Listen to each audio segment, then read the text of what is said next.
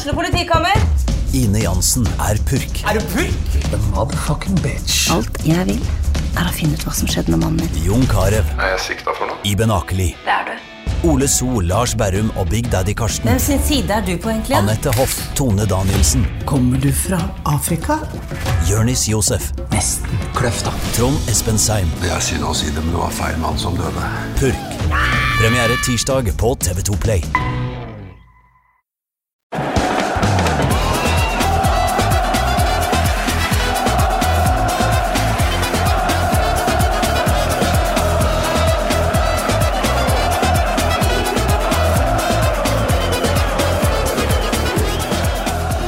Hjertelig velkommen til en ny episode av Pyro og Pivo. Mitt navn er Morten Galaasen, og i dag så har jeg med meg for første gang på egentlig litt for lenge en kortere, men like skalla nesten, og nest, omtrent like skjeggete mann ved navn Jonas Giæver. Velkommen tilbake. Hjertelig tusen takk. Jo, det er eh, Jeg tenkte på det på veien hit, at eh, nå er det fryktelig lenge siden, Gallosen.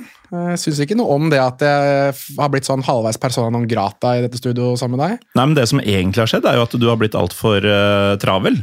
Fordi i tillegg til å drive med La Liga Loca over flere år, så har du jo fått ny podkast. Gratulerer med den. Takk, takk, takk. Nei da, det er, eh, den heter jo Fotball forklart.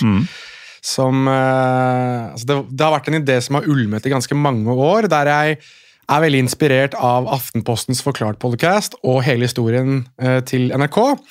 Men tenk, det er jo ikke noen ting som er altså Du har fotballfortellinger som Frode Lia og Tore Haugstad har, som jeg syns er veldig bra. men det er ingenting som bare forklarer visse begrep og visse histori altså, eh, ikke his jo, både historiske, men også aktuelle tema forholdsvis kjapt. eh, som gjør at folk kan være med i samfunnsdebatter og sitte med kompiser og prate om ting fordi de har hørt en episode av Fotball forklart. Så det var formålet, og jeg tror eh, ja, nå, Hvor mange episoder er det nå? Fem-seks? Jeg tror det går sånn halvveis bra. Så jeg håper at folk etter denne episoden hører på Fotball forklart, og så på La Liga Loca. Ja, Den heter altså rett og slett Fotball forklart, og er å finne akkurat de samme stedene som du hører på denne podkasten, og du kan høre La Liga Loca. Så det, det bør være en smal sak for lytterne hvis de vil ha mer av De slipper meg, men hvis de vil ha mer av deg eh, etter å ha hørt denne episoden.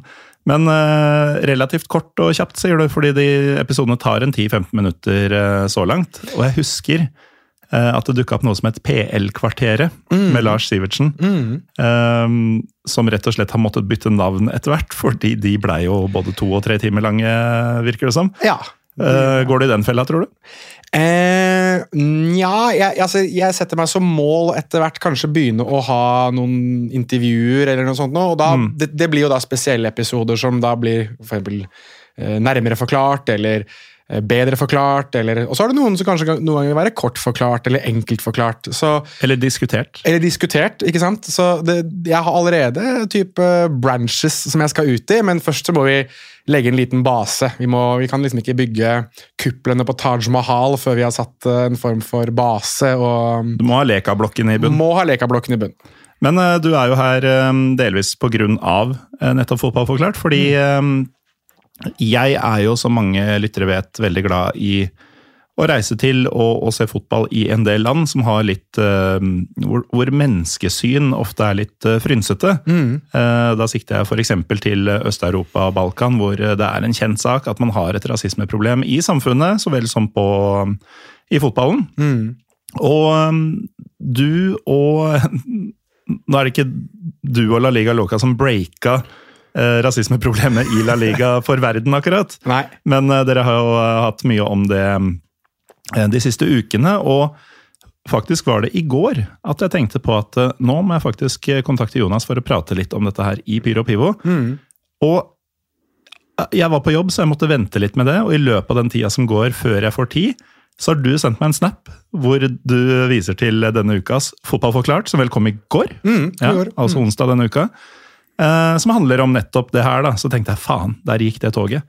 Men eh, det, gikk, det gjorde det ikke. Du, Nei, nei, nei. du ville hit også, du. Selvfølgelig. Nei, altså Dette er et kjempeviktig tema å snakke om. Altså, det er, og, og jeg er veldig Uh, Hvis jeg kan få lov til å bruke det begrepet, hvis jeg er sikkert innom det litt, men jeg er litt militant når det kommer til det å være antirasist. Altså, og det var jo noe som Marka slo opp i en, på en forside der de skrev at det, det er ikke nok å bare være mot rasisme, vi må være antirasister. Og det mener jeg også uh, i samfunnet generelt. Vi må være antirasister. og hvis jeg får muligheten til å komme og formidle litt av den kjennskapen jeg har til det, det spanske rasismeproblemet i fotballen deres, så dukker jeg opp i de aller fleste podcaster og det som enn måtte være. Og det er jo alltid Morten høytid når jeg, når jeg blir invitert hit, syns jeg. Så det Og her slipper du å forholde deg til et kvarter. Ja, det gjør jeg. Også, Dette tar den tida det tar. Ja, det gjør det. Og så slipper jeg for, for lyttere av La Liga Loca, så har man jo hørt at Magna Kvalvik er veldig glad i å ha en viss struktur på ting. Så når jeg går ut på sånne lange diatribes, så løfter han ofte hånda si i været for å få meg til å holde kjeft, og det håper jeg du ikke gjør. Nei, her, eh, her løfter jeg heller hånda for å helle i meg litt eh, pivo.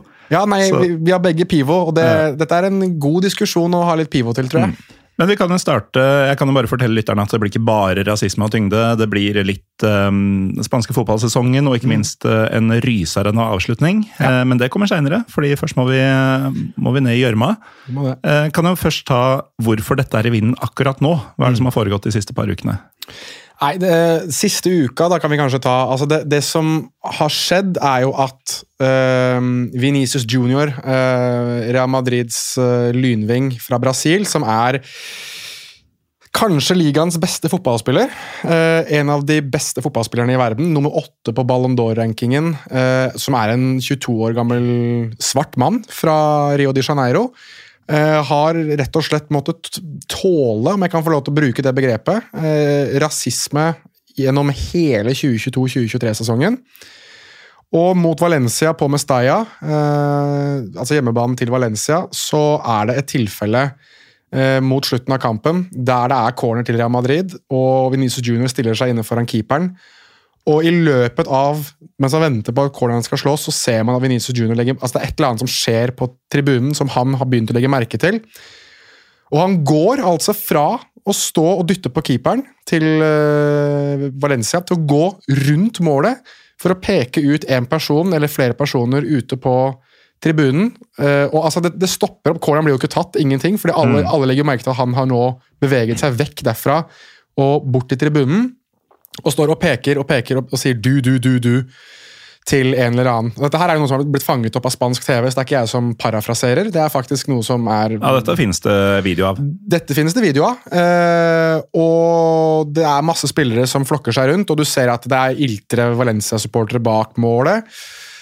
Eh, og det det ender i, er jo at det er spillere som drar vekk Venice Junior, og Valencia-spillere som ber supporterne om å slutte med det de gjør. Eh, egentlig på en litt sånn forsiktig måte, som jeg syns er litt sånn teit. Jeg syns de burde være mer aggressive når de ber dem om å slutte, men det får være min tanke om det. Og så sier han ifra til dommeren. Eh, altså Han gjør da mimer det en ape, da, og sier det til dommeren at han mimer en ape til meg, han er rasist, og peker opp på tribunen. Og da stopper kampen uh, lite grann. For protokollen til dommere i La Liga når sånne ting som dette skjer, den er jo forkastelig. Altså det, det er en av de tingene som kritiseres mest akkurat nå, hva protokollen her egentlig er. Ja, for den er ganske veik. Den er, fryk, den er fryktelig veik. Altså Først og fremst, så du, For å si det sånn, da, for å bruke begrepet 'tillate', jeg tror folk skjønner hva jeg mener med det. Altså, de, jeg tror ikke det tillates, men, men det får en form for ja, tillatelse i det at eh, ved første gang det legges merke til rasistiske eh, holdninger, så skal da dommeren si fra til delegat på sidelinja om at han skal si fra til speaker om at vedkommende må si fra på anlegget at nå må de kutte ut, eller så kan kampen stoppe. Så da har du da tillatt det én gang, og så kan kampen restartes igjen. Skjer det igjen, så kan dommeren da velge å ta spillerne av banen, igjen i påvente av at dette slutter. Og hvis det skjer en tredje gang, så kan kampen stoppes. Så du tillater i teorien at dette pågår to ganger etter at du har sagt stopp. Ja, og den eh, andre gangen er jo litt sånn fascinerende å tenke over, fordi du kan ta spillerne av banen og vente på at det skal stoppe, som om rasistene vil fortsette med apelyder når det ikke er noen å rope det etter. Selvfølgelig stopper det. Så det er jo egentlig bare, egentlig bare en forstyrrelse i spillet og ikke noe mer. Mm, helt riktig.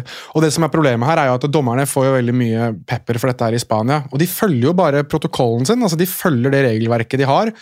Og Dommeren her er jo Ricardo de Burgos Benguechea, som har dømt veldig mye kamper i La Liga. Som er en veldig profilert dommer egentlig i, i La Liga, og er, og er kjent som en ganske god dommer òg. Ikke like profilert som Lahos. Ikke profilert som Matteo Laos. Han er for øvrig inne i sin siste sesong nå, Matteo Laos. Han dømmer sin siste La Liga-kamp noensinne nå til helga, så det kan jo bli spennende. Skal jeg Eh, fortelle hvem av alle i hele verden som har rekke å se han i aksjon? Jeg gjetter på at det er deg. Det er meg, vet du. Ja, det er deg. Kanskje den du kjenner som er minst interessert i spansk fotball? Han er jo, men han er jo et show. Jeg tror du var der da han hadde et show òg. Sånn skikkelig dommershow. Voldsomt show. Det Ja. kan vi komme tilbake til. Ja, ja. Eh, nei, men, men altså De Burgos Benguechea gjør jo riktig her, og snakker jo også med trenerne for å forklare dem at nå- er vi på en måte på bristepunktet her. Eh, og Carlo Ancelotti snakker også med Venicius Junior og, og, og spør han regelrett vil du fortsette dette her. Altså Vil du utpå igjen? Og Venicius Junior skal da ha sagt nei, jeg vil ikke. Eh, men etter hvert så blir de enige om at de skal prøve igjen. Eh, og det som så skjer, er jo at det går et kvarter, 20 minutter til, eh, og så smeller det igjen, da. Eh, men det er jo en, noe som skjer på banen. Og Venice Junior har jo en tendens at her har han hatt en tendens til hele sesongen å havne i klammeri med motstandere, for han er en Provoserende motspiller. veldig provoserende. Han er det, altså. Med, med, men han er provoserende innenfor reglene. Altså, Han gjør jo ikke noe ulovlig. Han drar av en mann og er litt oppi trynet på folk og applauderer litt. Grann, og er, han, han, han hauser litt opp rundt seg selv ute på banen. Men det legitimerer ikke rasismen han skal oppleve. på noen som helst måte. Men det som skjer, er jo det at det smeller igjen, selvfølgelig, ute på matta. Og masse spillere, masse Valencia-spillere, masse Real Madrid-spillere er i skikkelig klammeri. Og eh, det vi får se, er jo at Venicius Junior da fiker til Hugo Doro, som spiller for Valencia. Eh, og det er, liksom, det er det vi får se til å begynne med. Det vi så får se, er jo reprisene av dette. Eh, I påvente av at VAR skal finne ut hva de skal få dommer de Burgos Bengoechea til å se på. Og det man ser, er jo at Ogodoro Doro holder jo Venezia Junior regelrett i et kvelertak. Altså sånn seriøst rare naked choke-kvelertak, liksom. Hadde mest sannsynlig vunnet på teknisk knockout i UFC. Men det rare her er jo at da De Burgos Bengoechea skal ut og titte på dette, så får han kun se slaget. Han får ikke se noe som skjer i forkant, for det er minst to Valencia-spillere der som kunne vært utvist. og Det er Ogodoro Doro og det er keeper eh, Georgie Mamardashvili. Begge kunne vært utvist for, for aggressiv handling, da. Vinicius blir utvist som eneste mann, til øredøvende jubel fra Mestaya. Og han har jo også da en gest der han peker altså han har to fingre opp i været og så peker han ned. altså som Dere, er- dere skal ned i andre divisjon. på en måte. Valenza kan jo fremdeles rykke ned. Uh, og det ble jo da gjort et stort poeng ut av av de spanske avisene. For en ekkel gest av Venicius. Og så glemmer vi at han har nettopp måttet tåle rasistisk hets fra tribunene i løpet av disse 90 minuttene. Og så å si hele 2022-2023-sesongen. Dette er et Venicius-problem. Da, da kjenner jeg at da mister man litt håp, altså. Når, eh, og, og det gjorde tydeligvis han også, fordi han gikk ut på sosiale medier på Twitter og, og skrev en ganske lang melding der han rett og slett Der la han ingenting imellom. Ingenting. Det, det, det, den meldingen som han la ut, der han regelrett kalte Spania for et rasistisk land, at i eh, Brasil så anses Spania som rasister, at ligaen som en gang tilhørte Ronaldinho, Ronaldo, Messi og Cristiano Ronaldo, nå tilhører rasister, at han er enig i de som mener at dette er et rasistisk land, og at han også foreslo at han kunne fortsette å kjempe denne kampen mot rasisme et annet sted enn i Spania. Altså Han begynte å hinte om at kanskje han skal be om en overgang vekk fra Spania fordi han ikke tåler mer rasisme. Og starter også meldingen med å skrive dette var ikke første gang, dette var ikke andre gang, og dette var ikke tredje gang. Så dette her har pågått i lang, lang tid. Mm. og nå sa han at nok er nok, som en 22-åring fra Brasil. Det er ganske voldsomt altså, å tørre å gjøre. Så han har startet en kamp som ingen andre har turt å ta like hardt som det han gjør nå. Ja, og vi eh, skal jo høre etter hvert at um, han har jo virkelig fått i gang noen snøballer her. Ja. Men uh, ordene 'Spania har et rasismeproblem', uh, Vinicius uh, sine egne ord, Ja. eh, har Spania det? Fordi det som har vært diskutert i tidligere episoder av Pyro og Pivo når det gjelder rasisme i fotballen, er jo at det er jo Rasisme på et stadion eller på en fotballbane det eksisterer jo ikke i et vakuum. Eh, som ofte så er det jo tegn på et større samfunnsproblem. Mm. Og um, man har jo hørt uh, ofte om uh, lignende ting fra Italia. Det har folk på en måte bare innsett etter hvert, at uh, Italia har rasismeproblem i samfunnet og på tribunene. Spania hører man liksom ikke om på den måten. Det er ferieparadiset for nordmenn og kjøttkaker hvis du vil ha det på Granca og sånn. Ja. Hvor ille er det? Jeg skal være veldig forsiktig med å slå fast noe veldig tydelig, om det er bedre enn i Italia eller dårligere enn i Italia, men, men det som kanskje eh, holdt på å si eh, er likt for Italia og Spania, er at de begge to har vært fascister. Altså De har hatt fascistiske styre, begge to. altså Mussolini i Italia og Franco i Spania. Så det, det er jo to nasjoner som har en veldig sterk nasjonalistisk følelse på en del ulike ting. Og det som kanskje er forskjellen på altså ok, I Italia så har du kanskje nord og sør, som er liksom den store greia, mens i Spania så har du jo rett og slett regionsforskjeller. Altså Du har Baskeland i nord, som anser seg selv på veldig mange måter som en egen nasjon. Du har Catalonia i øst, der Barcelona er. De prøvde jo å løsrive seg fra Spania etter et referendum for noen år siden. Du har det sentralspanske styret, altså Madrid, midt i landet. Det er kanskje jeg kan ikke komme på noe annet land tror jeg, som har en hovedstad som er så sentralt i landet som det Madrid er. Altså Det er midt i Spania. Det er muligens Ankara, faktisk. Ja, det er mulig. mulig. Eh, Men det er, det er altså midt i, på det spanske kartet, så er Madrid. Og så sør har du Andalusia, de anser seg selv som en type mennesker. Eh, Du har galiserne i vest, som har et språk som kan minne litt om en sånn dårlig utgave av portugisisk. Eh, Du var inne på Gran Canaria. altså Folk fra Kanariøyene har jo altså de, Deres spansk høres forskjellig ut fra resten av Spania, for eksempel. De lesper ikke på seer og setter. Det gjør man i hele resten av Spania, eksempel. Så eh, Spania er, et, er en nasjon som også har veldig mange fordommer mot de diverse ulike regionene. Altså det er, Man har en tanke om hva en katalaner er, man har tanker om hva en eh, basker her. Og så vil kanskje da nordmenn si at ja, men vi har jo det samme med nordlendinger og bergensere og oslofolk og sørlendinger osv. Ja, men det er ikke like segregerende kanskje som det det har for vane å være i Spania. Når bergensere snakker om eh, Bergen ut av Norge, så mener de det jo stort sett ikke. Nei, er Mens en del katalanere mm, og baskere spesielt, da, de gjør jo ofte det. Veldig ofte. Altså, vi husker jo, Hvis vi skal snakke historisk her, da, så vi husker jo ETA, eksempel, som var rett og slett en terrorgruppe som sloss for eh, baskisk frihet. Altså At de ville løsrive Baskeland fra, fra Spania, forsøkte seg på attentat. Det er ikke måte på. ETA eksisterer jo ikke lenger nå, men, men uansett, det, det forklarer jo litt grann om hvor volatilt da, dette her har vært på et tidspunkt. Og som sagt, Vi snakket om dette referendumet i Catalonia også for noen år siden. Så det å påpeke forskjeller er nok veldig vanlig i Spania. Og det er en forskjell på en person som er hvithuda og en person som er øh, svart i huden. Det er bare at det påpekes som et problem. Det påpekes som en forskjell som gjør at man ikke er likeverd. For eksempel, I større grad i Spania enn eksempel i Norge. Selv om jeg personlig mener at det norske samfunnet også har et rasismeproblem i veldig mange fasetter av hvordan vi behandler hverandre, så mener jeg at det problemet er mye større og mye tydeligere i en nasjon som f.eks. Spania. Og da er vi over til eh, dagens situasjon, og um, vi nevnte jo at Venicius har satt i gang noe her. Fordi um, presidenten i La Liga, Javier Tebas, han har vært eh, både høyt og lavt uh, siden.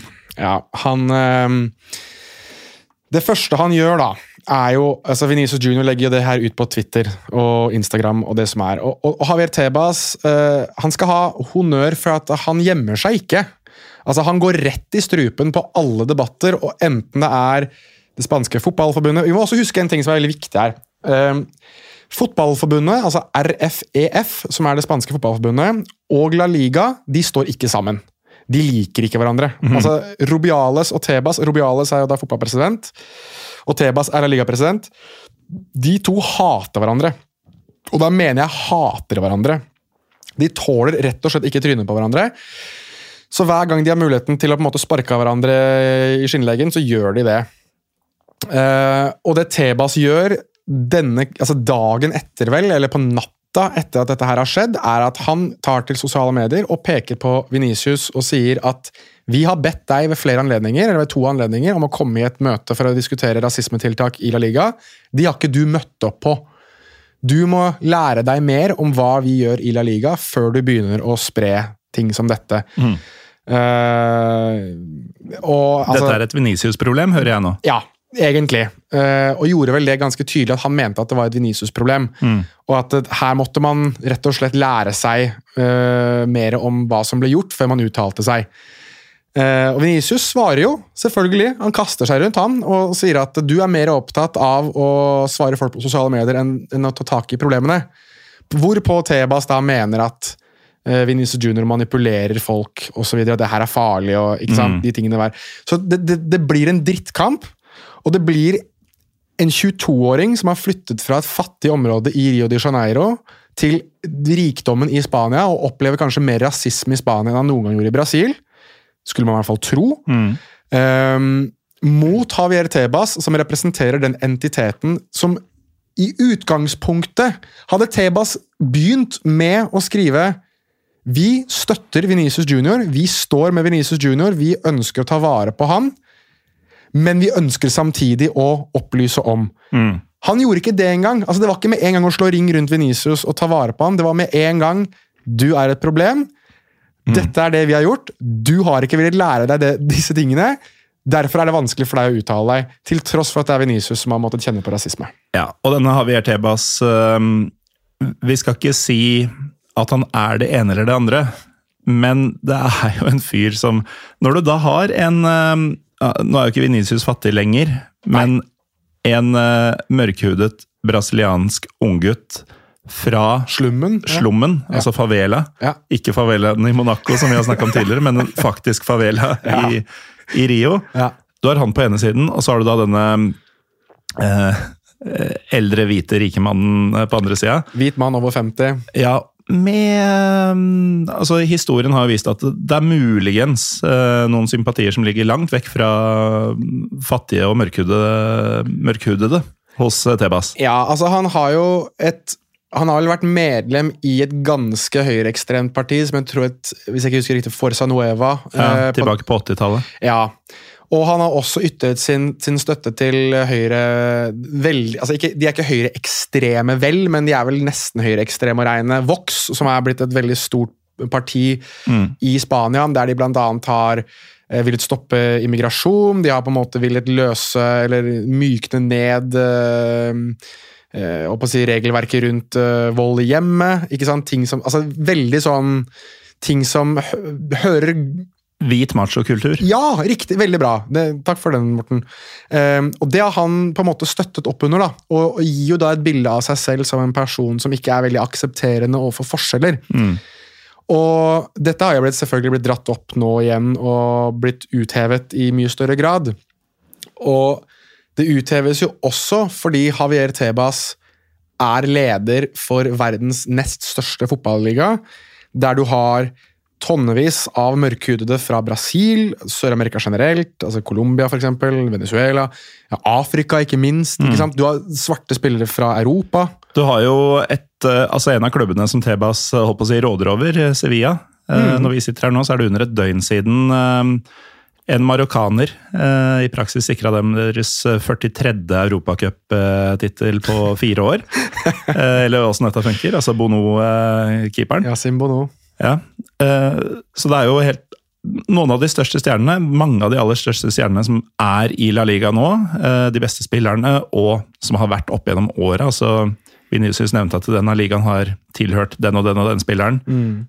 og lista kunne vært veldig mye lenger. Um, så det er jo Tebas burde jo kanskje kjenne sin besøkelsestid, da. Fordi den ligaen her hadde ikke vært mye om, eh, om Vox hadde bestemt hvem som skulle få spille der. Nei, det hadde den ikke. Og, og det er jo litt sånn påfallende å tenke at sist gang en eh, spiller vant Ballon d'Or, eh, altså fra La Liga, så var jo det Karim Benzema. Mm. Som er en arabisk mann, altså, som har foreldre vel fra Algerie og er oppvokst i Frankrike. Så det her er jo, altså, Og han også ville vel, hvis man skal stoppe immigrasjon, så kan du jo glemme han i, i noe som helst eh, Ja. europeisk land, f.eks. Ja, og når de sier stopp immigrasjon, så er det ikke noe sånn vi må ha strengere regler. De mener Nei. stopp. De gjør det. Og det er jo det er derfor jeg sier at i, i Spania og en del av disse kalde latineuropeiske landene, så er det først og fremst så er de nok mer ekstreme enn det vi er i, i Norge. Eh, men jeg tror at det, de rasismeproblemene, da, eller de forskjellene, enten det, er, enten det er rasisme eller etnosentrisme, som vi ikke må blande så mye Etnosentrisme er en annen ting. Begge deler eksisterer for så vidt i, i Spania. Men den er tydeligere, og den er mer eh, svart og hvit. Det er ikke så veldig mange gråsoner i, i disse nasjonene her, slik jeg har lært meg å kjenne dem. i hvert fall. Og Jeg har snakket mye med spanjoler den siste tiden. altså jeg har snakket To av mine veldig veldig gode venner som bor i Spania, har begge to ulike oppfatninger av dette. Den ene skal jeg ikke navngi noen her, men den ene har sagt rett ut til meg at jeg skammer meg så jævlig å være spanjol. Altså, det er, Dette er skammelig, liksom. Hva er det vi holder på med? Og den andre har vært litt mer sånn Ja, men vi er ikke rasister i det landet her. Eh, Det er en del ulikheter. Eh, Vi må akseptere at det eksisterer ulikheter internt i landet. Eh, Det som gjøres, er selvfølgelig feil, men så kommer det et men. ikke sant? Jeg, og jeg blir, Med en gang jeg hører det, så er det sånn Det er ikke noe men. Altså, det, Du kan ikke, ikke prøve å legitimere at det, det er forskjeller i samfunnet og piss og møkk. Altså, Ja, det blir litt sånn eimen av den der good people on both sides Ja. til Trump. Ja, ja. Ikke like ekstremistisk. Og jeg, jeg synes at eh, Argumentasjonen er vel heller den at vi er en nasjon av forskjeller, der forskjellene utheves i langt større grad enn kanskje i andre nasjoner. Er en form for legitimering, ja. En, men det, er vel hell, det burde heller være en form for forklaring på hvorfor det ikke burde legitimeres. Ehm, spesielt ikke i den tidsalderen vi lever i nå, uh, der rasisme utheves så mye over hele verden. Altså, Du snakket nå om Donald Trump. altså Der har du på en måte Hva var det som var sto det store temaet i verden da Trump skulle bli president? Jo, hvilket rasismeproblem som eksisterer i alle fraksjoner og deler av verden. Ehm, og, og da mener jeg at når du da etter Trump klarer å ende opp i denne diskusjonen her i Spania og i spansk fotball, så er ikke det noe som nødvendigvis er nytt. Men det belyser et tema som burde vært belyst for lenge, lenge, lenge siden. Apropos forklaringer og belysninger. Du brukte ordet etnosentrisme, Ja. som jeg ikke har hørt eh, i eh, dagligtalen siden jeg prøvde å studere sosiologi rett ut av videregående i sin tid. Ja. Um, husker jeg det riktig, så er jo det, et begrep som handler om at man setter sin egen kultur og verdensbilde i et slags sentrum, og alt annet er annerledes og eh, kan ses på som rart og svakere. Hvis du er etnosentrisk, i hvert fall slik jeg lærte det Nå, må, nå håper jeg ikke at det er noen sosiologer som sitter og river seg i håret av dette her, men, men det jeg lærte av etnosentrisme, var i hvert fall det at du er veldig tro til den du selv er, og det du selv mener du er. Og at, som du var inne på, du mener at det andre er litt Ikke nødvendigvis feil, men det er annerledes. Det, er, det er noe du gjør, dette er det jeg er. Altså, og, og Ja, veldig- normalen ligger hos meg. ja, normalen er meg. Eh, og, og veldig ofte så er det sånn Ja, men sånn er det bare. er liksom et argument for hvorfor Ja. ting skal aksepteres. Mm. og og etnosen, altså etnosentriske land er jo land som vi ofte også eh, kaller for nasjonalistiske land. For eksempel Italia da, er veldig etnosentrisk i det at de er veldig sånn stolte over å være italienere. I, nordmenn er ikke så jævlig etnosentriske sånn egentlig. Egentlig ikke. Nei, vi er ikke det. Vi, I Skandinavia generelt så er vi ikke det, som gjør at dette her er litt fjernt for oss. Jeg bodde tre år i England. Der er de etnosentriske. Der er de til og med xenofobiske. Der mener jeg at det som ikke er dem, er feil. Eh, Jo, men dette er jo grunnlaget for brexit, egentlig, og siden vi er inne på det. Ja. altså den vestlige verden Jeg snakka om det tidligere, at uh, i Øst-Europa så er man på en måte kjent med at rasisme og etnosentrisme, begge deler, er uh, både problemer og, og um, altså virkelighet i de landene. Men ser man de siste ti cirka åra på den vestlige verden, så fikk du Trump valgt i USA. Brexit skjedde. AFD i Tyskland, eh, Front National i Frankrike, Vox i Spania, Sverigedemokraterna. Det er jo en mye større aksept for det som i sin tid ble kalt rasisme, høyreekstremisme, enn det var for 10-15 år siden. Så det er jo faktisk et tegn i tiden, da. At eh, en del ekstreme holdninger blir mer og mer stuereine.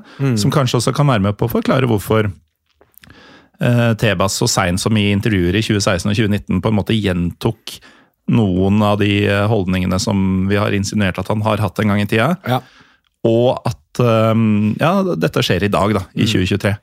Fordi disse rasistene de føler seg jo trygge nok til å ytre seg. Ja, det gjør de. Og jeg, og jeg tror at Jeg, jeg syns ikke vi skal være belærende overfor de som hører på denne episoden, her, for det skal vi ikke være. Men, men det er noe i deres retorikk som de anser som riktig, og som de anser som sånn det burde være. Jeg, jeg, jeg tror ikke at noen av Nei, det er feil å si. Jeg, men jeg tror ikke for eksempel Javier Tebas våkner opp om morgenen og sier at uh, han hater alle svarte, eller det der er kjempefeil, eller jeg tror at det er veldig mange måter du kan føle at det du tenker er riktig, uten at du nødvendigvis skal tenke at er jeg en slemming, liksom.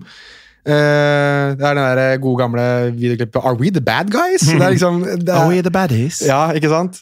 Eh, og jeg tror ikke at vi nødvendigvis skal peke på noen som the bad guys eller som the good guys i, i noe av disse tilfellene. For du kan legitimere det sikkert alle, alle veier. Men så tror jeg vi eh, her i Norge, i hvert fall du og jeg, Morten, er oppvokst med et verdenssyn og et menneskesyn som gjør at det, det er så genuint og eh, elementært feil, det veldig mange av de utøver og tenker og, og mener i henhold til disse eh, faktorene som vi er inne på her. da. Ja, og tilbake til selve hendelsene på Mestalla. Ja. Og bare sånn, for folk som ikke følger så godt med i Spania, vi hadde jo en Kaosklubber-episode om Valencia da moderne media lå et helt annet sted. altså Vi snakker tilbake i 2017 eller 2018 eller noe sånt. Ja. Jeg tror ikke du var med på den. Nei, okay. men, men eh, da var det annet snakk om dette nye stadionet. Ja, Og når vi sier at ting skjedde på Mestalla, det er gamle Mestalla som fortsatt gjelder. Altså Man har ikke kommet lenger i Valencia heller. Nei, nei, nei. nei. Men uansett, det var ikke poenget her. Um, hendelsene der, det var jo blant annet Du sa um, Venezia sa at han imiterte en ape, og at det kom apelyder. Og det er jo en gjenganger i sånne saker, uh, uansett om du er på Balkan, i Italia, i Spania. I Norge i sin tid kasta man jo bananer etter uh, enkelte spillere. Men altså, det er snakk om å falle for eget grep, da. Fordi det fins jo ikke noen større apeoppførsel enn nettopp det. Altså, Venicius er bare en normal fyr som spiller jævlig bra fotball. De som står og roper, eh, lager apelyder og klør seg under armene og på huet og sånn. Det er jo det. Det er jo de som er så, du, du skjønner hvor jeg skal hen? Jeg klarer nesten ikke å fullføre setninga, for det, er så utrolig boomerang-effekt. Ja, De viser jo sjøl at det er de som er apekattene. Men jeg, jeg vil ta gjerne et scenario som jeg ikke fikk tatt i Fotballforklart, men som jeg syns eh, oppsummerte litt av eh, Det eksisterer en veldig kul dokumentar. altså Kul og kul, men du, du blir veldig godt opplært i det. Den er på spansk, da, som heter Los Otros. eh, De som- andre. Ja. Veldig bra, Morten. Takk. Som uh, Movistar Plus har laget, som er uh, de som har rettighetene til La Liga. Og der har de en ganske lang dokumentar om rasisme i spansk fotball. Og en av de de intervjuer der, er Carlos Cameni, den gamle Malaga-keeperen, som sto haugmange år for, uh, for Malaga. Kameruneren som eh, Han var jo verdens største keepertalent i sin tid. Ja, og du kan egentlig bare stoppe på verdens største, for han var, han var diger. Fytte rakkeren og stor han var. Altså, han, han var eh, fryktinngytende på streken der. Altså. Jeg husker jeg hata han på Football Manager. Jeg klarte aldri å score på han, så jeg kjøpte han til slutt og benka han. uh, da mener jeg hadde en save med Real Madrid og alle ting, men uh, det er jo helt grusomt i seg selv. Men nok om det. Ehm, han forteller da om at da han var ung keeper, jeg lurer på ikke det er på tidlig 2000-tallet, så står han i mål for Malaga. Og igjen, dette her er jo Movistar Pluss på sitt beste, for de filmer jo alt. Du får med deg alt. De hadde et kamera bak der ballguttene sitter. Bak målet til Carlos Cameni. Og de filmer disse ballguttene i løpet av hele den ene omgangen. Og han har da Jeg lurer på om ikke det her er Material Saragossa på La Romareda. Tror jeg. Jeg er litt usikker på om det er dem, men jeg tror det. Og han står da i det målet der klekken til Saragossa står. Og disse ballguttene er jo da med, fordi de er jo Saragossa-unggutter. Og når de begynner med apelyder fra tribunen, så ser du at alle disse ballguttene gjør det også. Og sparker borti i, eh, reklameskilt og lager apelyder og altså, vel, Noe som også er veldig dessverre veldig vanlig i Spania, er jo den herre mono, mono, som betyr ape. Mm.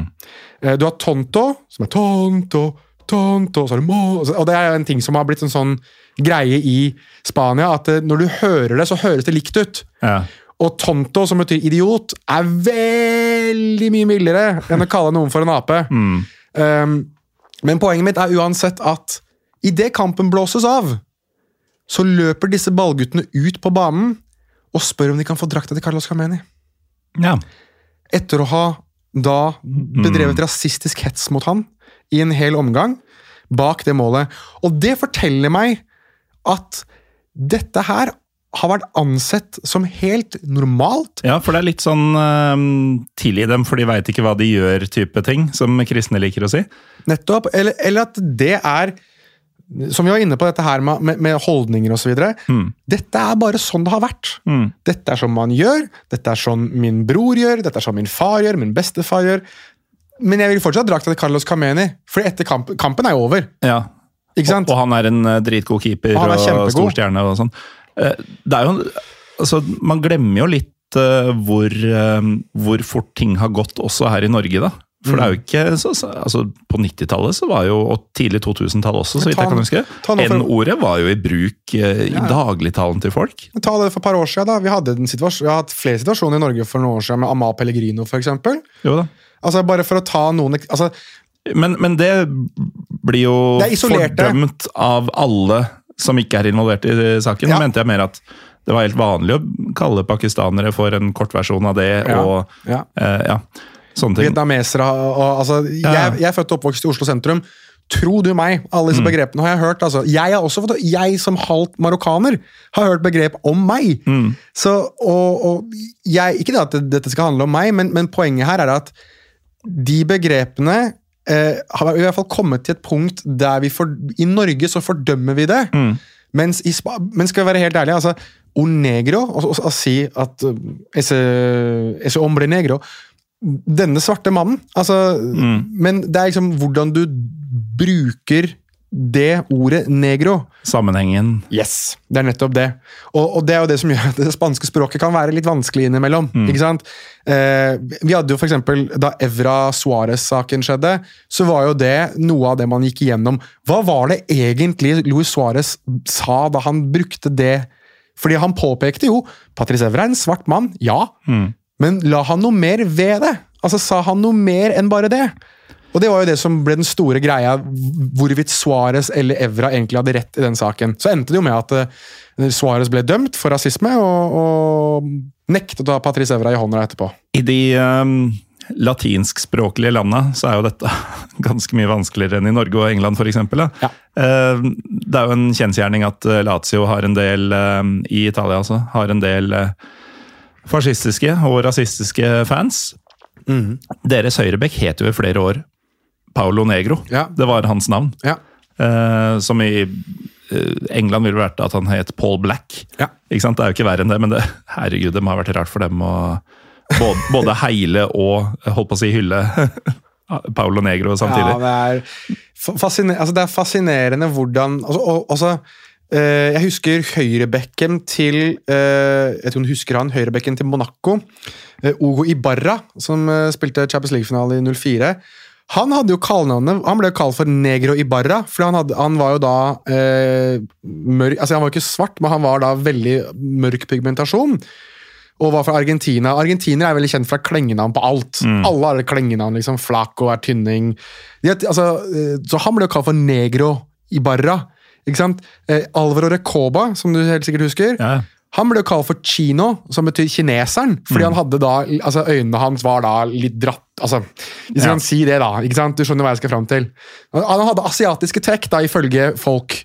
Og derfor så var han El Chino så, så vi må også huske at det er noen forskjeller i, i kultur, men, men samtidig altså for, å ta, for å ta tilbake til dit vi egentlig var eh, Du kan ikke ta feil av det som har blitt ropt til Venezia Junior. Du kan ikke ta feil av det som har blitt ropt til Carlos Acapo. Du kan ikke ta feil av det som har blitt ropt til Nyaki Williams. Det er rasisme. Nettopp. Og da er vi tilbake til det vi egentlig snakka om. Eh, Vi må få en slags eh, closure, eller det har vi jo ikke fått siden dette er eh, nåtiden. Men eh, vi nevnte jo at eh, Vinicius har satt i gang noe her. Og Tebas har jo uttalt seg umiddelbart. Men han har jo faktisk eh, altså Tebas har jo moderert seg kraftig siden. Det er han jo måttet, da, eh, egentlig. Altså, Han fikk jo kritikk fra alle baurokanter. Altså, Luis Robiale, som vi var inne på litt tidligere, gikk jo ut og sa at spansk fotball har et rasismeproblem. Det er der det kommer fra. Altså, han, har jo, han har jo sagt det. Fotballpresidenten har sagt at de har et rasismeproblem.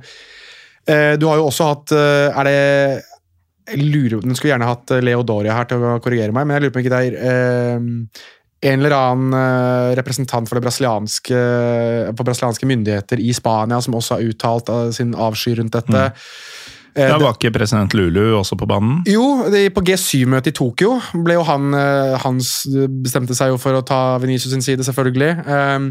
og mente at nå må fotballedere i verden over begynne å ta i et tak her. Eh, Ronaldo har vært ute og meldt. Kylian Mbappé har vært ute og meldt. Rio Ferdinand var jo veldig på å melde. Eh, og riktig sådan. Uh, det er ikke meningen å prøve å få han til å høres dum ut. Det klarer han med, med veldig mange andre ganger, men akkurat her hadde han veldig riktig.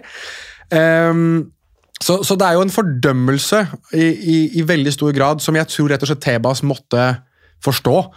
Eh, så han ba jo om et intervju med ESPN Brazil. Der han ville forklare seg, slik at han visste at det kom til det brasilianske folk. Ja. Der han eh, beklaget seg, men ikke egentlig.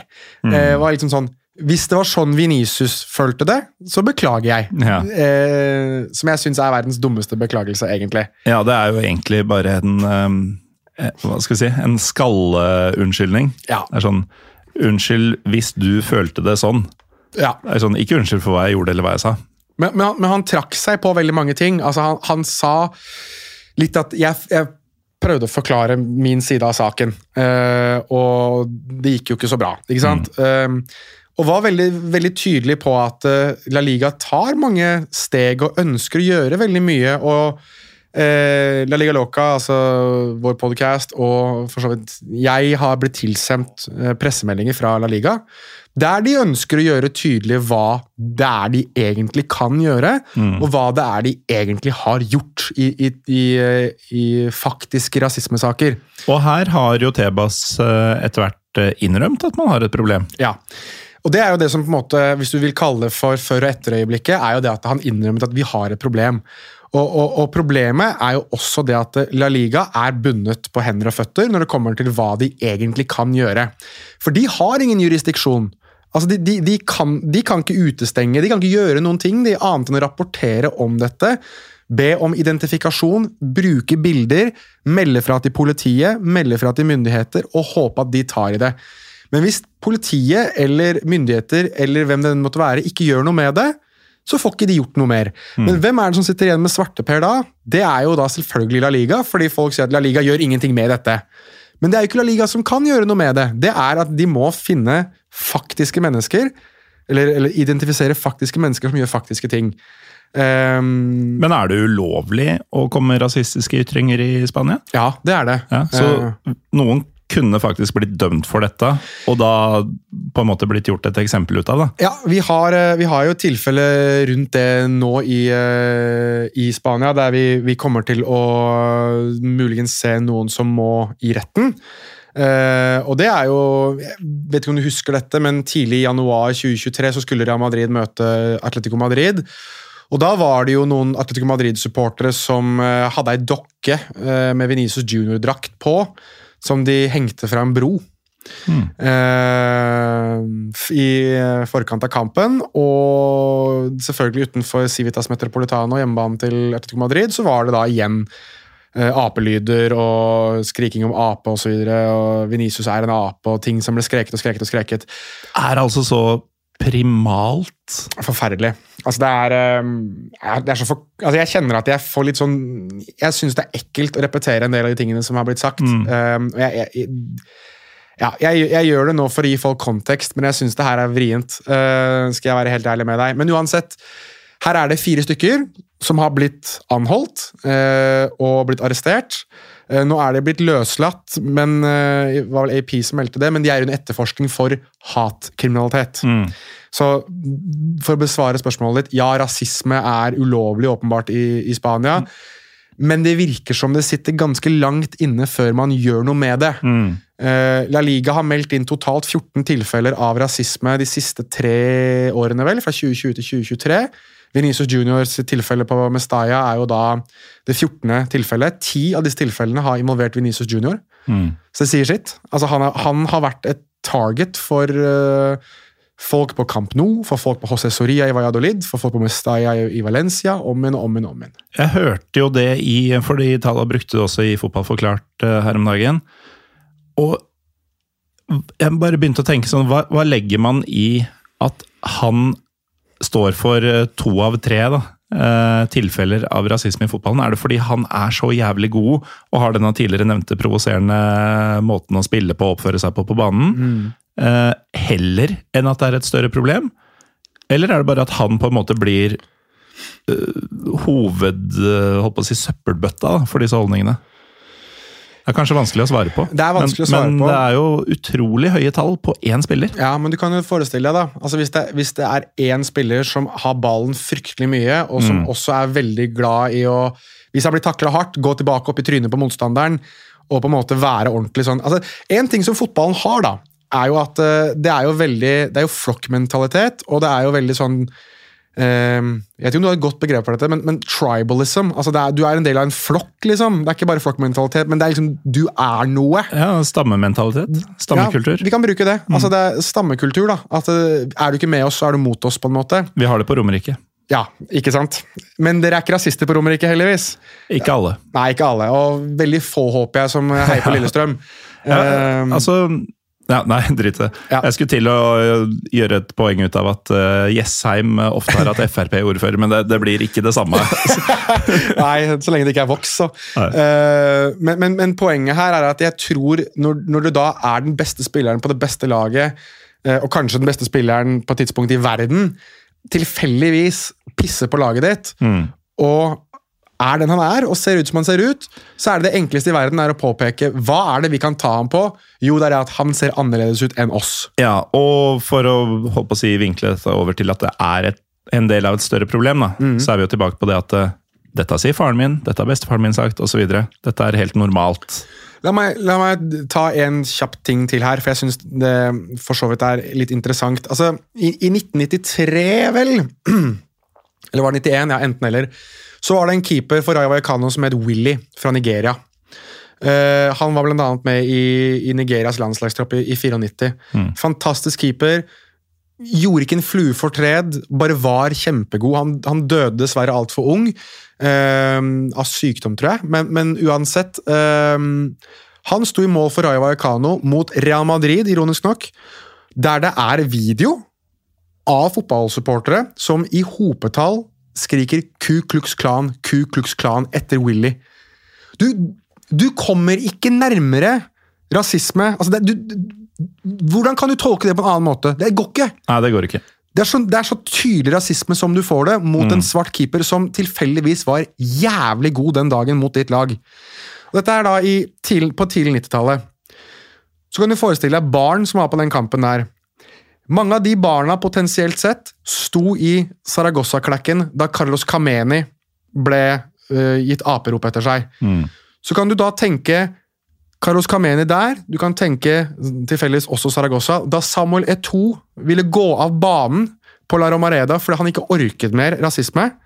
Du kan tenke på den, som, den Viareal-supporteren som kastet en banan etter Dani Alves i 2010-11, rundt der. Disse barna her er i dag blitt voksne. Og de står bak det målet som Venezia Junior reagerer på. Så dette her er en generasjonsting som går igjen og går igjen og går igjen. Der det er ingen som har sagt tydelig ifra om at dette er feil. Dette kan vi ikke akseptere. Fordi i løpet av dette tidsrommet her, så har det blitt gjort jævlig mange skuldertrekk. Og sånn er det. Fordi sånn har det alltid vært. Men sånn skal det ikke være, og sånn kan det ikke være. Og det er det som jeg tror, forhåpentligvis, er ettermælet til Venezia Junior den dag han ikke lenger spiller i La Liga.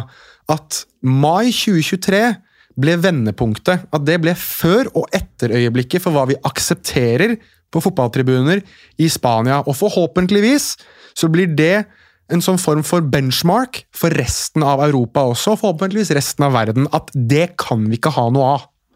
Vi får virkelig håpe at det blir eh, tilfellet. Det har i hvert fall aldri vært snakka om på den måten det gjør nå i Spania, Nei, har jeg inntrykk av. det og det riktig. er jo Venicius eh, sin fortjeneste. Helt riktig. Um, vi har jo lova folk at det skal bli litt hyggeligere på slutten. Ja. og jeg hadde jo egentlig tenkt at vi kunne, jeg kunne prate litt om Barcelona-turen min i romjula, og du kunne prate litt om lag som har, eh, eller historier fra sesongen som har vært og sånn, men klokka har gått fort. Det har vært Ja. mye rasisme å ta tak i. Men det har vært viktig. Så jeg tenker at vi kan jo kikke litt på helga som kommer. Altså mai 23, forhåpentligvis et vendepunkt i um, den ukulturen som har vært i spansk samfunn og fotball. Juni, tidlig juni 23, da er det fryktelig mye som skal avgjøres. Altså, Ja. I Tyskland, som jeg er veldig glad i, og som jeg var i forrige helg for øvrig, og fikk se Union kvale til Champions League. Jeg husker da du var på banen! Ja, Da- Jeg hadde litt lyst til å gå på banen også, men det var ikke kultur for det. Ohoi, har, har det blitt fine på den, da? Ja, stormer ikke for hva som helst, i motsetning til bergensere. De holder seg for så vidt på matta når det er cupfinale, men hvis de Ja. Um, det der er ikke min kamp, merker jeg. Um, nå til helga så er det altså Grunnen til at jeg nevnte Tyskland, er at man har et uh, uttrykk der som jeg elsker for betydningsløse kamper i de siste rundene. Kampen om den gylne ananas. Ah, ja, riktig. Det er bare sånn, Vi må ha et eller annet å spille for. La oss si vi spiller for den gylne ananas. Ehm, veldig få av de kampene i Spania til helga. Altså Mulig- siste runde i La Liga. Mulig jeg stjeler det begrepet og lager en fotballforklart episode av det. For all del. Mm. er- da må du i så fall gi kreden til uh, Dritte Halbseit og ikke til Pyro Pivo. Selvfølgelig.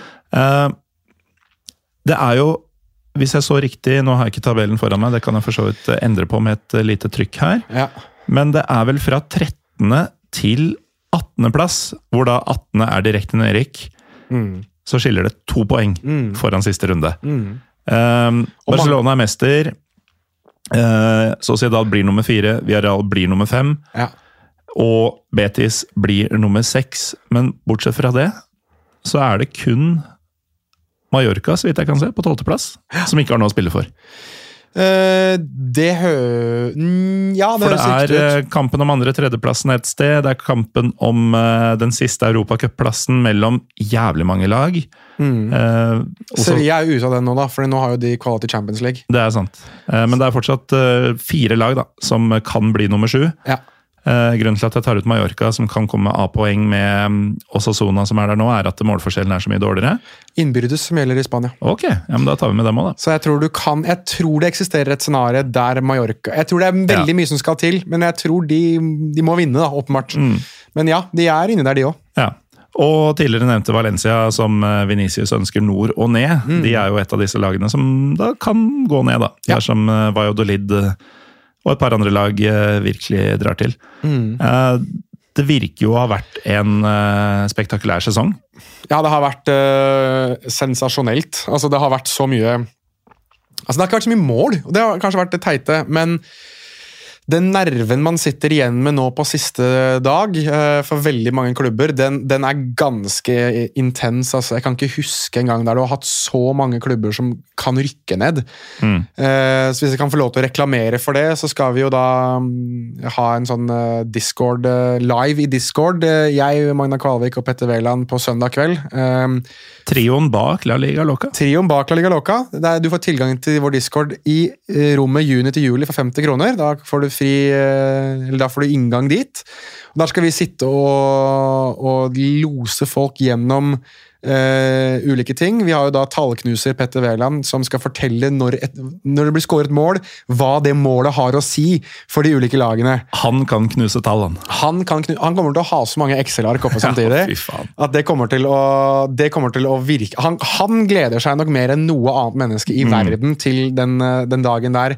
Jeg er jo Valencia-supporter. Eh, og selvfølgelig litt sånn skamfulle disse dager med tanke på hvordan de oppfører seg der nede, men, men uh, Valencia kan rykke ned, så jeg kjenner jo Og de skal møte Betis på Benito Villamarin, og det er siste kampen til Joaquin. Mm. Legendariske Joaquin, som uh, også, hvis han spiller, hvilket han nok gjør, tangerer Andoni Subisaretta som tidenes mestspillende La Liga-spiller. Ehm, så det er veldig mye i potten sånn for Betis, selvfølgelig også med, med at de vil avslutte på en ordentlig måte, at de vil gi Joaquin en ordentlig send-off. Og Valencia slåss jo mot nedrykk. Um, det er ett oppgjør der som eh, setter i gang et voldsomt helvete, og det er jo Elche mot Cádiz. Eh, Elche har rykket ned. De har vært eh, de rykket ned for lenge siden. De spiller sin siste hjemmekamp i Primera for denne gang. Så møter Kadis, som i dette øyeblikk vel ligger best an i nedrykkssumpa der. Men skulle Elche ta ledelsen, så er det mange klubber under der som kommer til å kjenne ordentlig på det. fordi at det er, eh, Da begynner inn- innbyrdens å, å jobbe virkelig. Altså fordi Hvis du får inn Kadis inn i denne innbyrdesgreia, så skal det, da skal du sitte og regne veldig på hvem det er som ligger dårligst an. Uh, du har Valladolid, som spiller hjemme mot Getafe. Det er da forholdsvis 18. og 17. plass som møter hverandre. Eh, du har Español, som også har rykket ned. Kanskje ikke, faktisk, fordi de har nå lagt inn protest til eh, La Liga og til konkurransekomité og til den spanske domstolen rundt der de har følt seg bortdømt. Så den blir jo interessant å følge. Blir helt sikkert kastet, men uansett. De mener jo at de fremdeles burde få medhold i retten. De møter Almeria. Almeria kan også rykke ned. Almeria er da eid av Turki al-Sheikh, som er eh, høyrehånda til Mohammed bin Salman av Saudi-Arabia. Sjarmerende. Så det er mange som vil ha de ned, eh, av forståelige årsaker. Eh, og det er, det er noen andre klubber inni der, altså det er så mange klubber inni der at jeg ikke husker alle, men, men det er i, i hvert fall et rotterace på sesongens siste dag, der det kommer til å bety veldig mye for veldig mange når det skåres mål ulike steder. Eh, Celta Vigo har også klart å, å tulle seg inn i dette her. Eh, og de avslutter hjemme mot eh, seriemester Barcelona. Så de får besøk av det beste laget i ligaen og skal på en eller annen merkelig måte klare å vinne der. Eh, selv om de har vært fullstendig rævråtne nå i lengre tid. Hvis de klarer det, da tror jeg ikke altså La Liga Loca-lytterne orker tanken på hyllesten Iago Aspas kommer til å få. Dere er så glad i han, dere. Ja, eh, Petter Wæland spesielt er det. Petter Wæland er faktisk så glad i Iago Aspas at han gjorde et innslag på spansk TV da han var der nede sammen med meg og Magnar i forbindelse med Norge mot uh, Spania. Som gikk som en farsott gjennom eh, Vigo-folket. Eh, det som er litt gøy, er at Jago Aspas har ikke skåret et mål siden. så hvis de rykker ned så, Ødelagt av Veland. ja, så hvis, eh, så hvis eh, Celta Vigo rykker ned, så er jeg litt redd for Petter hvis han skulle ta seg en tur til Vigo. For da tror jeg, han, da tror jeg virkelig han er persona non grata. Eh, men hvis Jago Aspas skulle redde dem, så kan det være at han inviteres på tapas og sidra og alt annet de har der nede. Hva er det du gleder deg mest til med siste runde mm, i La Liga, Jonas? Målene, hvordan ett mål endrer alt for alle. Eh, drama, for de kommer til å få et, et helvetes drama. Det kommer til å være et eller annet uventet som skjer. Eh, Det kommer til å være noe vi ikke For, for sånn er det i spansk fotball. Altså, det, dette er grunnen til hvorfor jeg elsker spansk fotball. For at det, lever inn til siste øyeblikk. Det kommer til å være en kamp der det blir, der det blir lagt til 11 minutter i andre omgang. Og der de 11 minuttene kan definere fremtiden til tre-fire klubber. Eh, Det kommer til å være noen røde kort som kommer til å, å definere dette. Det kommer til å være et straffespark som aldri blir gitt. Det kommer til å være en VAR-situasjon som går feil vei for ett lag. Det kommer til å være eh, scoring i, eh, si, i, i Sevilla som betyr at de, de jubler eh, i Getafe, altså som er en forstad av eh, Madrid. Det kommer til å være så mye som skjer i løpet av de 90 minuttene at hvis man ikke benker seg og får det med seg på en eller annen måte, så tror jeg virkelig man går glipp av et drama som man kommer til å snakke om i spansk fotball i lang, lang tid. Det høres ut som eh, grunn god nok til å mm, begynne å høre på La Liga Locca, hvis man ikke gjør det allerede. Eh, For ikke å snakke om følge den Discord-sendinga deres på søndag, som vel siste runde går. Den får du tilgang på gjennom patreon.com slash la liga. Bra. Da har du fått inn den nå.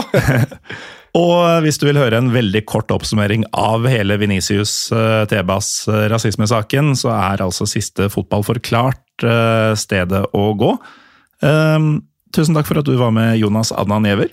Takk for at jeg fikk lov til å komme. Jeg glemte det ene navnet i starten. Nei, Det går helt fint. Um, og ikke minst eh, lykke til på søndag. Det høres ut som det blir en hard dag. Det blir en morsom dag. Ja. Jeg gleder meg. Um, takk til deg som hører på også. Mitt navn er Morten Galaasen. Vi er PyroPivopod på Twitter og Instagram. Og hvis alt går bra, så blir det Balkan-oppsummering neste uke.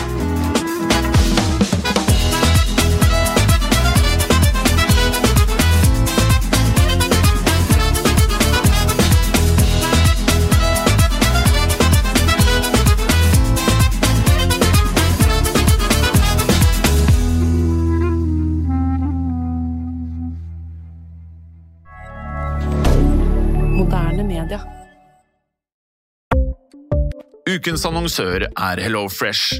HelloFresh er verdens ledende matkasseleverandør og kan være redningen i en travel hverdag. Mange av oss har nok vandret i butikken både sultne og uten en plan for middagen, som ender med at vi går for de samme kjedelige rettene gang på gang. Middag burde være dagens høydepunkt. Som HelloFresh kan du nå velge mellom 25 ulike retter hver eneste uke, eller få HelloFresh til å sette sammen menyen for deg. Dette gir deg muligheten til å prøve nye og spennende retter alene eller sammen med familien. Du velger antall porsjoner og får alt levert på døren på et tidspunkt som passer for deg. Oppskriftene er enkle, og maten er lett å lage både for store og for små. Ved å få alt levert hjem får du også mer tid til å dele matgleden med familie og venner. Kanskje det frister med asiatiske tacos eller greskinspirert kylling? Da kan jeg anbefale deg om å gå inn på hellofresh.no. Her kan du bruke koden FOTBALL og få opptil 1779 kroner i rabatt på de første fem matkastene hvis du ikke har prøvd Hello Fresh tidligere. Du kan også bruke rabatten hvis du har vært kunde og stoppet abonnementet ditt for tolv måneder siden eller lengre. Gå inn på hellofresh.no og bruk koden FOTBALL. Har du et enkeltpersonforetak eller en liten bedrift? Da er du sikkert lei av å høre meg snakke om hvor enkelt det er med kvitteringer og bilag i fiken, så vi eh, gir oss her, vi. Fordi vi liker enkelt. Fiken superenkelt regnskap.